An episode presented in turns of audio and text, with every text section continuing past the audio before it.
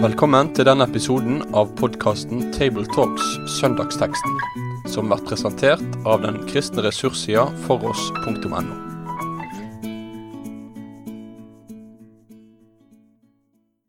Velkommen til eh, en samtale over eh, teksten for vingårdssøndagen, som eh, ikke ligger så langt foran oss. Spennende å sette seg ned med en tekst i forkant og se hva som ligger og venter på å bli lagt fram, eller utfordre oss, alt ettersom. Vi skal iallfall lytte, og vi skal uh, samtale om denne teksten. Og sammen med meg, som heter Svein Granerud, så har jeg Asbjørn Kvalbein og Egil Sjåstad. Og før vi nå sammen uh, graver litt i teksten, så skal vi lese den i Jesu navn. Matteus kapittel 19, vers 27-30. Da tok Peter til orde og sa, Hva så med oss? Vi har forlatt alt og fulgt deg. Hva skal vi få? Jesus sa til dem, Sannelig, jeg sier dere, når verden skal fødes på ny og menneskesønnen sitter på tronen i sin herlighet, da skal også dere som har fulgt meg, sitte på tolv troner og dømme Israels tolv stammer. Og enhver som har forlatt hus eller brødre eller far eller mor eller barn eller åkrer for mitt navns skyld, skal få mangedobbelt igjen og få evig liv i eie. Men mange som er de første, skal bli de siste, og de siste skal bli de første. Slik lyder Herrens ord, og slik lyder den teksten som vi har fått. Og har du en åpen bibel, så ser du at det som går foran, slik Matteus gjengir, det er både samtalen med den rike unge mannen som slet med å velge mellom rikdommen og Jesus, og Jesus som minner disiplene om at det er lettere for en kamel å gå gjennom en nåløye enn for en rik å komme inn i Guds rike. Så Jesus har på en måte satt disiplene litt sånn i alarmberedskap, eller hva tenker du, Asbjørn? Det er ikke enkelt å være disippel her? Nei, det kan du si. Og, men jeg ser på denne teksten på en måte som en mellomstasjon mellom akkurat den du nevnte, hvor Jesus setter det på spissen, og de er i en litt sjokktilstand, disiplene. Eh, og samtidig så er de veldig egoistiske i måten de snakker på. Altså De tenker på belønning og hvordan vi, hva skal vi oppnå. Og så kommer etterpå lignelsen om arbeiderne i vingården som går på dette med lønn og fortjeneste men som ender opp så sjokkerende at de siste blir de første. De så det hadde ikke hjulpet så veldig mye å ha teksten om vingården heller, for det hadde blitt krevende, det òg? Det er sant, ja. ja. Nei, fordi Jesus holder på å lære dem noe hele tiden, og du ser hvor, hvor snevert de tenker. Så det er veldig viktig, tror jeg, når vi skal preke over dette, at vi setter det i denne sammenhengen. Og jeg kan lure på Peters motivasjon når han spør så veldig selvsikkert. Vi har jo forlatt så mye, vi vi skal vel få en skikkelig belønning. Og så gir Jesus et veldig rikt løfte. Eh, men samtidig altså, så kommer det helt på slutten de siste skal bli de første. Og det er innledningen til det han så viktig vil si. Det er av nåde, altså. Vi kommer nok til å ende opp med det, tror jeg. ja. Det er det. Men disiplene, de Ja, du sa litt sånn sjokktilstand, og det er kanskje det det er. Når du får en sånn tekst i fanget, Egil, eh, ser du med en gang liksom hovedpoenget som du vil preke over, eller grav, begynner du å grave og snu hver stein, eller hvordan er det? det avhenger litt av hvilken tekst det er. Ja. Jeg tror det er veldig viktig det som vi nå her har gjort, da, å prøve å plassere teksten i den store sammenhengen. Mm. For det gir ofte et veldig bra utgangspunkt å ha bakteppet på plass, liksom, når vi skal henge opp teksten. Så jeg syns det var veldig nyttig at vi fikk fram både det med rikdommen foran og det med den lignelsen bak. Og også det uttrykket 'de siste skal bli det første, det første det siste'. For da er det med å liksom helle oss på plass når vi skal begynne å legge ut teksten. da. Mm. Jeg syns det er viktig. Men Skulle vi prøve å bare et lite øyeblikk å alliere oss eller sette oss i disiplenes sted, hvordan tror du de lyttet til det her? I den sammenhengen de var? Ja, det var jo naturligvis presserende for Peter. Det er klart, De har gjort et oppbrudd. Det har kosta dem. De har forlatt alt. Både arbeid, relasjoner til mennesker og eh, økonomi. og Det var veldig mye som har skjedd i deres liv. Så det var, det var reelt at de har følt det sånn at de har forlatt alt. Og Jesus hadde jo sagt det, om å snakke om å forlate alt. Men, men når, når han, eh, Jesus gir dette svaret, her, da, så kommer det liksom nye momenter inn. da. F.eks. med tolvtallet.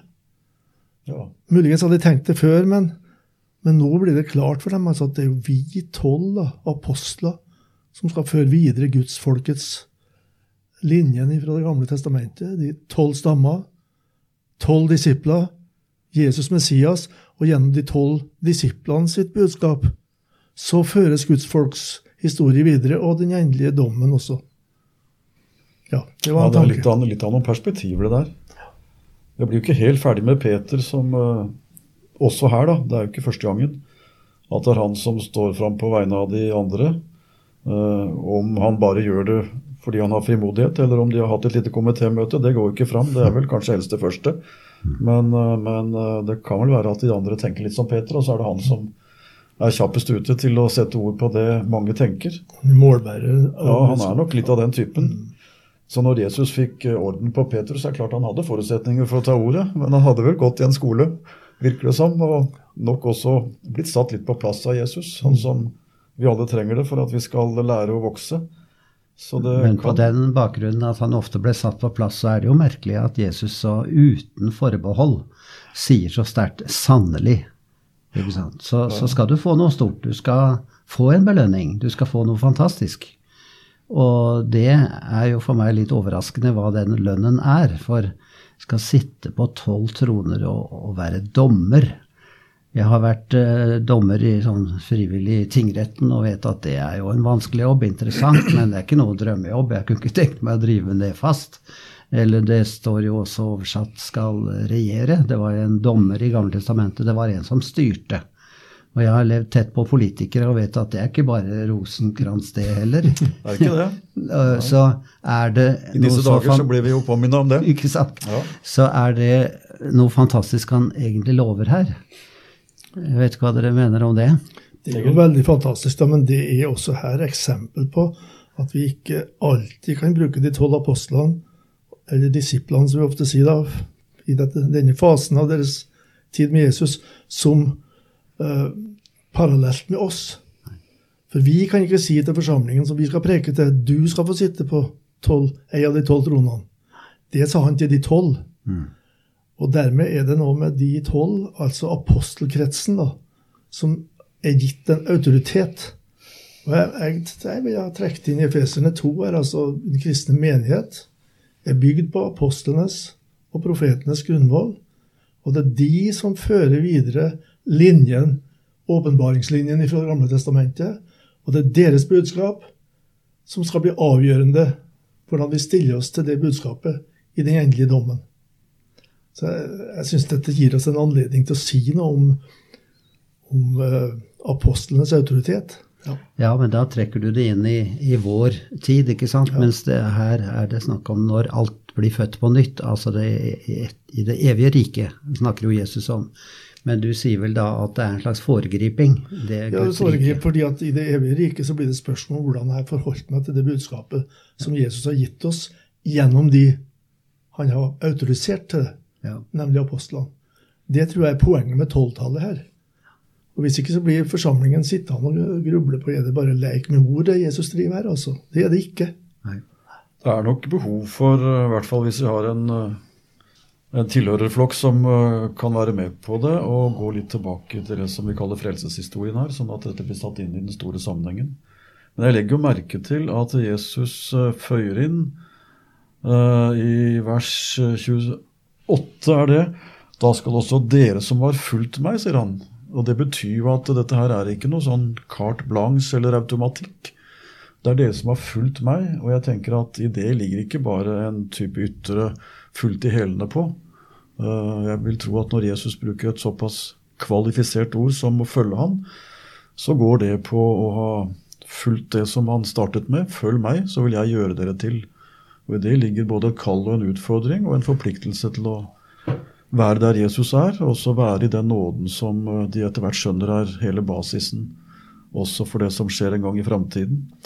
Så jeg vil nok i en preken legge litt vekt på det, tror jeg, til oss som hører. Og både til oss og til dem så gjelder det du må følge Jesus. For uh, Jesu disipler de, det var ikke alle som fulgte han til veis ende. Og da blir det ingen plass når Jesus uh, tar oss med i den store sluttfasen heller. Så det er noe der. Andre ja. ting som dere ser, som dere vil løfte fram? Jeg forestiller meg at hvis, hvis det sitter noen typisk grublere her, da, og ser tilbake på de tekstene der, det, der uttrykket 'å forlate alt' er så radikalt å forstå at de faktisk gjør det.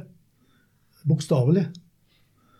Eh, og at det er den eh, situasjonen Peter her omtaler. Og, og da kommer den spørsmålsstillingen hvordan kan vi i dag forlate alt og følge Jesus? Og skal vi det? Når Jesus sa dette til dem, han sa det til konkrete folk, følg meg, selg alt du har. Eh, I hvilken grad skal vi ta det sånt bokstavelig? Jeg har kommet til at i Jesu praksis så har du et både-og her. Du har noen som fikk det kallet å ta det helt bokstavelig. Så radikalt. Andre fikk samme kall, men det skulle realiseres ved å forvalte det en har. Så radikalt som Jesus tenker. Martha, Maria og Lasarus f.eks. i Betania de var, ikke, de var ikke omreisende, de var fastboende. Men de har, også de imøtekommer Jesu kall om å følge Jesus. Så det, det er to aspekt ved det å følge Jesus som slår ut. Og, og ja, når jeg var ung, så, så hendte misjonsforkynnelsen gikk inn på dette her. Noen har misjonærkall. De skal bli nødt til å bryte opp, krysse grenser, gjøre ting som, som eh, de andre ikke gjør. Men vi har alle et kall. Vi deler det samme kallet, men det slår ut på forskjellig måte. Ja, det, Dette er jo viktig å si, fordi at eh, det kan eh, lede inn i en livsfjern eh, radikalitet, disse ordene, hvis man ikke tenker på at de fleste av oss er kalt til å være innenfor det vanlige samfunns ordninger. Og f.eks. Jesus tar jo avstand fra det noen som sier at det jeg hadde tenkt å gi til tempelet som gave, nei, det som jeg skulle gi til foreldrene og støtte dem, det gir jeg isteden til tempelet. Og det står jo også i eh, et av brevene at hvis man eh, ikke tar seg av sine egne og viser omsorg for dem, så er man verre enn en vantro. Så vi er jo satt inn i relasjoner som forplikter oss forhold til foreldre og barn. Men det som jo snakkes om i vers 29, at man forlater hus og brødre osv., det er jo kanskje særlig disiplene som opplevde det slik at de, de forlot veldig mye. De forsaket mye. Samtidig så kommer det ikke så ofte fram det som vi jo skjønner, at Peter var gift. Han hadde jo en svigermor, så han hadde jo en familierelasjon å passe på. Og det står jo også uttrykkelig mange eksempler på brødre og søstre og hus, men det står ikke hustru, at man skal forlate hustruen for Jesu skyld. Så den relasjonen skal nå ikke være ødelagt.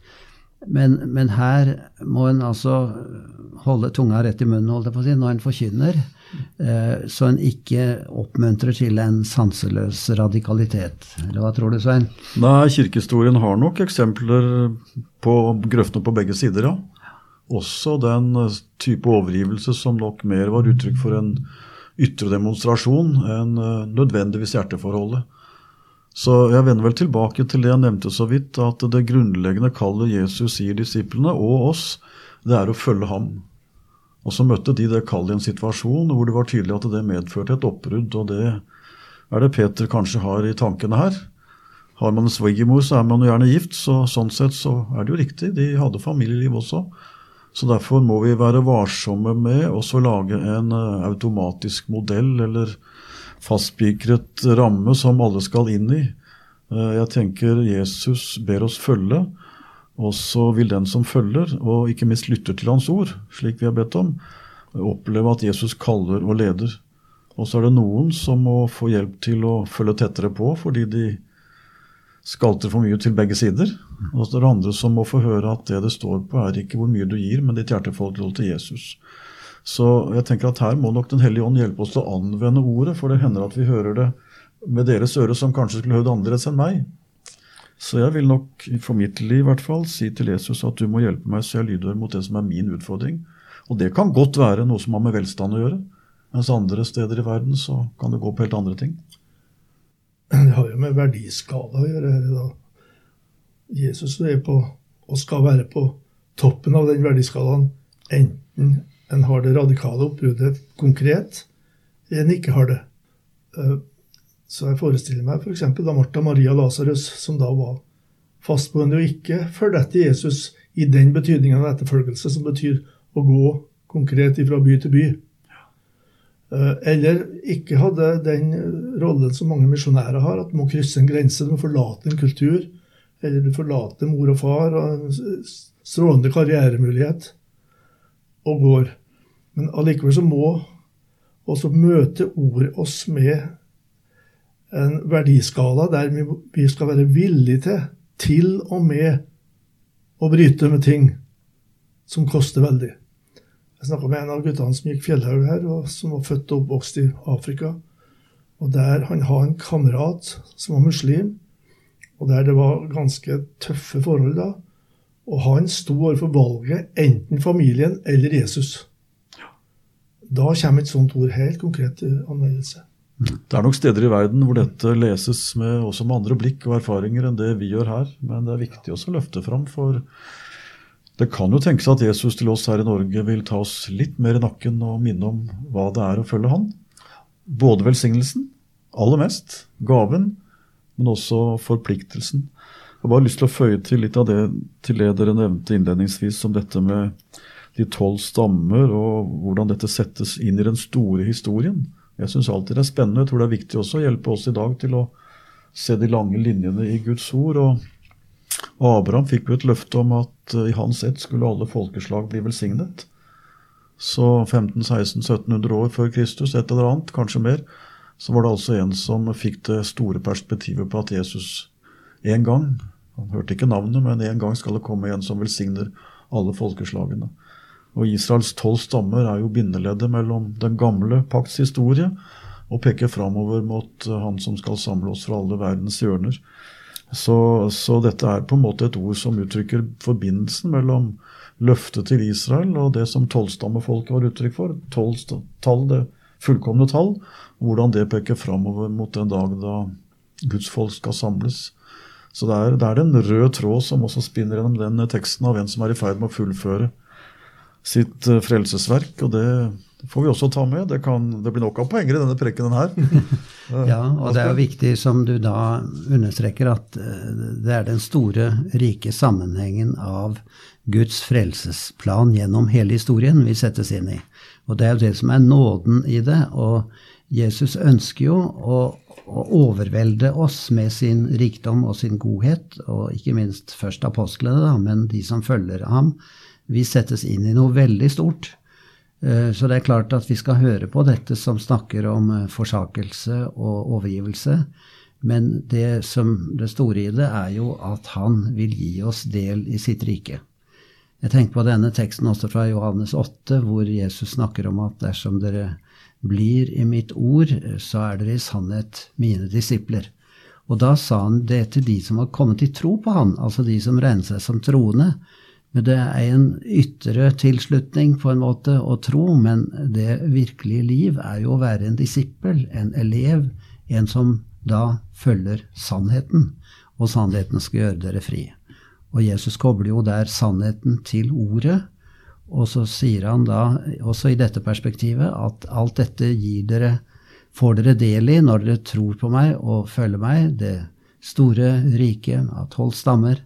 Dette blir dere tilregnet. Og da, om dere så har måttet forsake en del, som er nevnt i vers 29, så skal dere få mange dobbelt igjen og arve evig liv.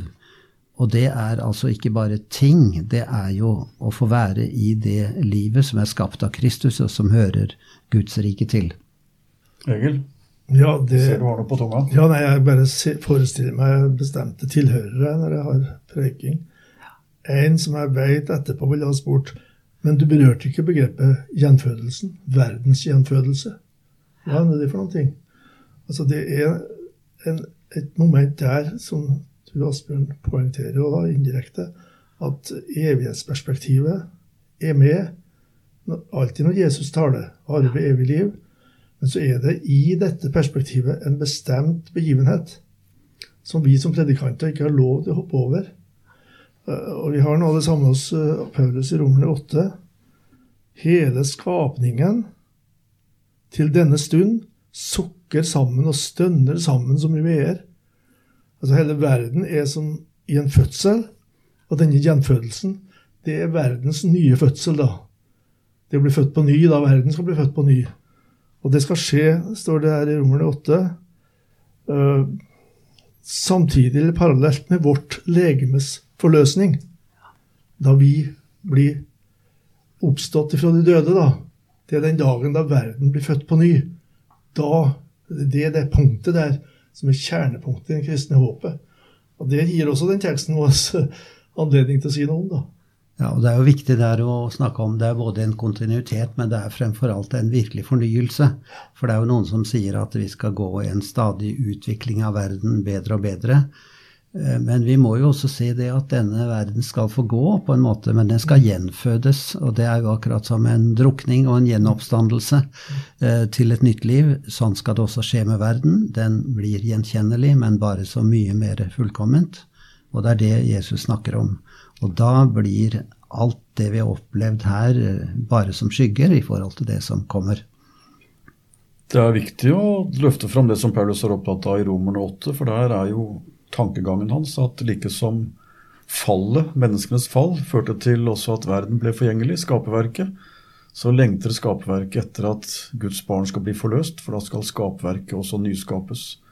Så det er vel en parallellitet, så langt jeg kan se, mellom at vi legges i jorda og oppstår, nyskapt, og likevel identiteten er der, men en nyskapelse uten synd og skade. Og slik skal også skapverket gjenskapes og gjenfødes sammen med oss. Så det er jo noen perspektiver i Romer 8 som Egil nevner, som er verdt å ta med her. Vi, eh, vi, får nok en begrensningens utfordring, vi som skal preke denne søndagen, men det er jo et flott problem da, å ha så mye å løfte, løfte fram. Hvis jeg skulle runde av for min del med hva jeg også prøver å ha med, er vel kanskje det siste verset, men hvor Jesus sier mange er de første, men skal bli de siste, og de som er sist, skal bli først. Uh, ikke et helt enkelt ord å tolke det heller, men jeg tenker vel det har vi iallfall en utfordring til oss til ikke å selv sette oss til dommere over hvem som er fremst og bakerst i den køordningen som vi tenker at Vår Herre har. Da vil jeg nok si at det har han den fulle oversikt over, og så får vi være forsiktige med å begå den rangeringen som vi av og til gjør ut fra kriterier som vi ser. Det, vi skal ære hverandre og tenke at uh, noen av dem som kanskje ikke synes mest, kan Gud se noe hos som vi ikke har sett litt ydmyk i forhold til det. Hva tenker dere sånn? Jo, jeg kunne tenke meg altså, ja, Hvis jeg skulle preke over denne teksten, så ville jeg kanskje ikke gått altfor dypt inn i teologien, men, men, nevnt noen eksempler fra kirke- og misjonshistorie på mennesker som Gud kunne bruke, som slett ikke var blant de første. Jeg tenker på en uh, misjonær som het Gladys Aylward, som det er skrevet en, en bok om og film om altså en alminnelig hushjelp i England som ikke kunne slippe dette at hun skulle bli misjonær, og dro til Asia aleine. Og, og, var originaliteten personlig, men altså hun ble brukt, og hun ble en inspirasjon for tusener. Og jeg tenker på en mann som George Miller, som var tysker, og en eh, Ja, han drev med pengespill og drikking og mye og tyveri.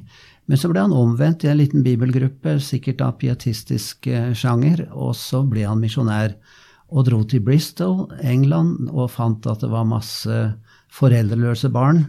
Startet barnehjem og ble altså en forstander for 2000 foreldreløse barn. Og de levde av bønn, ba til Gud og fikk det de trengte til alle disse barna. Altså Jeg syns det ble et nydelig eksempel på mennesker som slett ikke var blant de første, men de ble av betydning fordi de fulgte Jesus på sin måte og i sin tid. Ja, det er fritt å bruke eksemplene som Asbjørn gir her. og Utfordringen er til alle som kan forkynne. Vær konkret og finn gjerne noen eksempler eller forbilder, for det, det hjelper oss til å knytte dette til eh, noe jordnært. Egil, hva tenker du avslutningsvis? Ja, nei, Jeg satt og tenkte, har sittet hele tida og tenkt på tilhørere som jeg kjenner, som har litt av denne skeptiske tonen og som grubler.